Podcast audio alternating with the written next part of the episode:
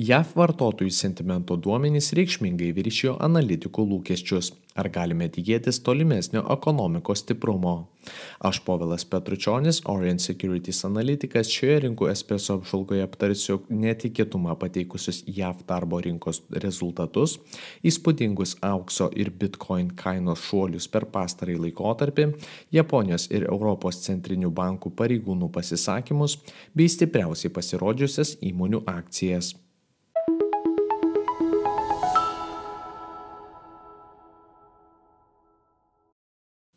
Svarbiausi praėjusios savaitės įvykiai - Junktinės Amerikos valstijos, dviejopas rinkos pasirodymas ir atsigaunantys small capai.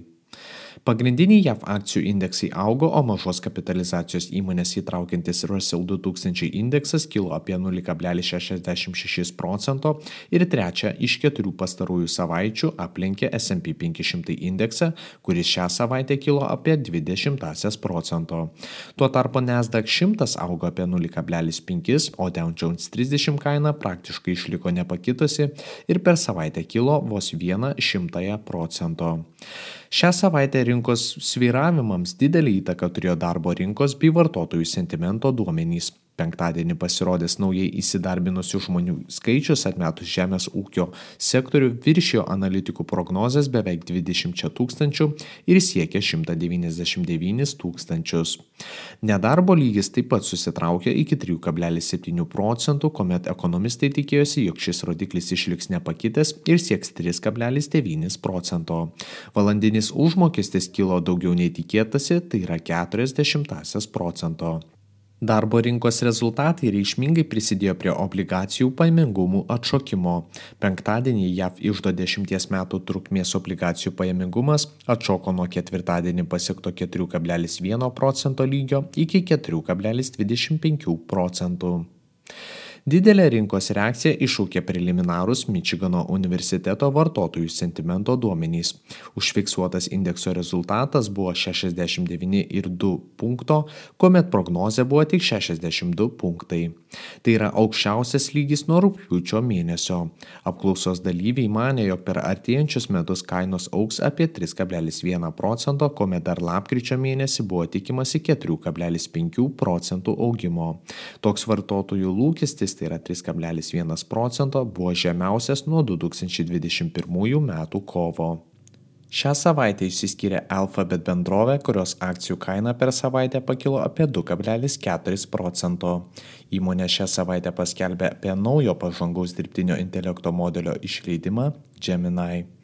Investuotojams teigiamai įvertinus AMD MI 300X naują dirbtinio intelekto lustų seriją, įmonės akcijų kaina per savaitę išaugo daugiau nei 6 procentus.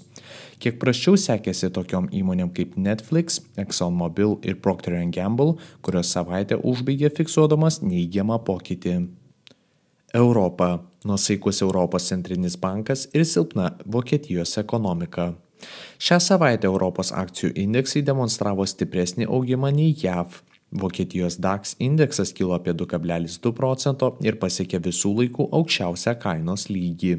Prancūzijos CAC 40 kilo apie 2,5 procento, o FUCI 100 kiek mažiau, tai yra apie 30 procento. Šią savaitę Europos obligacijų pajamingumai toliau traukėsi. Vokietijos 10 metų trukmės obligacijų pajamingumas krito iki žemiausių šių metų lygių ir pasiekė 2,17 procentų lygį. Dar spalio mėnesį šių obligacijų pajamingumas siekia virš 3 procentų. Prie tokių pokyčių prisidėjo šią savaitę pasirodę nuosaikus Europos centrinio banko pareigūnų pasisakymai, kurie pabrėžė, jog dar vienas palūkanų normos pakelimas nėra tikėtinas. Pasirodė Eurozonos pirkimo vadybininkų indekso duomenys viršijo analitikų lūkesčius ir siekė 47,6 punkto. Kita vertus, Vokietijos makroekonominiai duomenys žymėjo tebesitėsinti sudėtingą šalies ekonomikos laikotarpį. Industrinė produkcija traukėsi penktą mėnesį iš eilės ir per mėnesį krito 40 procento, nors ekonomistai tikėjosi 20 procento augimo. Gamyklų užsakymai net netikėtai traukėsi ir krito net 3,7 procento. Savaitės pradžioje pasirodė duomenys apie didesnį nei prognozuotą prekybos perviršį siekiantį 17,8 milijardus eurų. Tiesa, prie tokio rezultato prisidėjo ne išaugęs eksportas, tačiau reikšmingai susitraukusi importo vertė. Vokietijoje šią savaitę išsiskyrė automobilių pramonė, Volkswagen, BMW ir Mercedes-Benz Group augo daugiau nei 4,5 procento. Stipriai žaliavo ir LVMH įmonės akcijų kaina, kuri per savaitę pakilo kiek mažiau nei 6 procentus. Azija. Moody's nuvertinta Kinija ir Centrinio Japonijos banko palūkanų normos kėlimo perspektyva.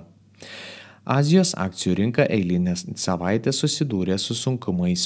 Hongkongo Hang Seng indeksas per savaitę susitraukė apie 3 procentus, Japonijos Nikkei 225 krito apie 3,4 procento.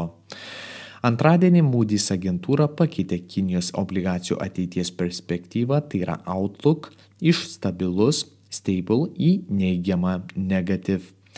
Toks įvertinimas reikšmingai prisidėjo prie neigiamo sentimento Kinijos akcijų rinkose. Tiesa, reikia atkreipti dėmesį, jog pirmą kartą per šešis mėnesius Kinija fiksavo eksporto augimą, kuris viršijo ekspertų prognozes ir siekė pusę procento. Be to, importas traukėsi 60 procento, nors analitikai tikėjosi 3,3 procentų kilimo. Bendras prekybos perviršis augo iki 68,4 milijardų JAV dolerių ir reikšmingai reikšmingai viršijo 58 milijardų JAV dolerių prognozę. Japonijos akcijų rinka traukėsi po pasirodžiusių Centrinio Japonijos banko pareigūnų pasisakymų, kurie pabrėžė galimybę kelti palūkanų normą anksčiau nei tikėtasi iki šiol. Be to, Japonijos ekonomika traukėsi daugiau nei tikėtasi. Per trečiąjį ketvirtį metinę išraišką Japonijos BVP krito net 2,9 procento. Vanagiški Centrinio banko atstovų pasisakymai prisidėjo prie reikšmingo obligacijų pajamingumo atšokimo bei Japonijos jieno sustiprėjimo JAV dolerio atžvilgių. Valiutų pora pasiekė 144 jienų už vieną JAV dolerį lygį. Hang Seng indeksą žemyn traukė tokios įmonės kaip China Merchants Bank, Tencent Holdings ir PetroChina, kurios atpigo daugiau nei 4 procentus. Japonijos biržoje kritimą patyrė Hitachi, Honda ir Toyota, kurios per savaitę krito daugiau nei 4 procentus.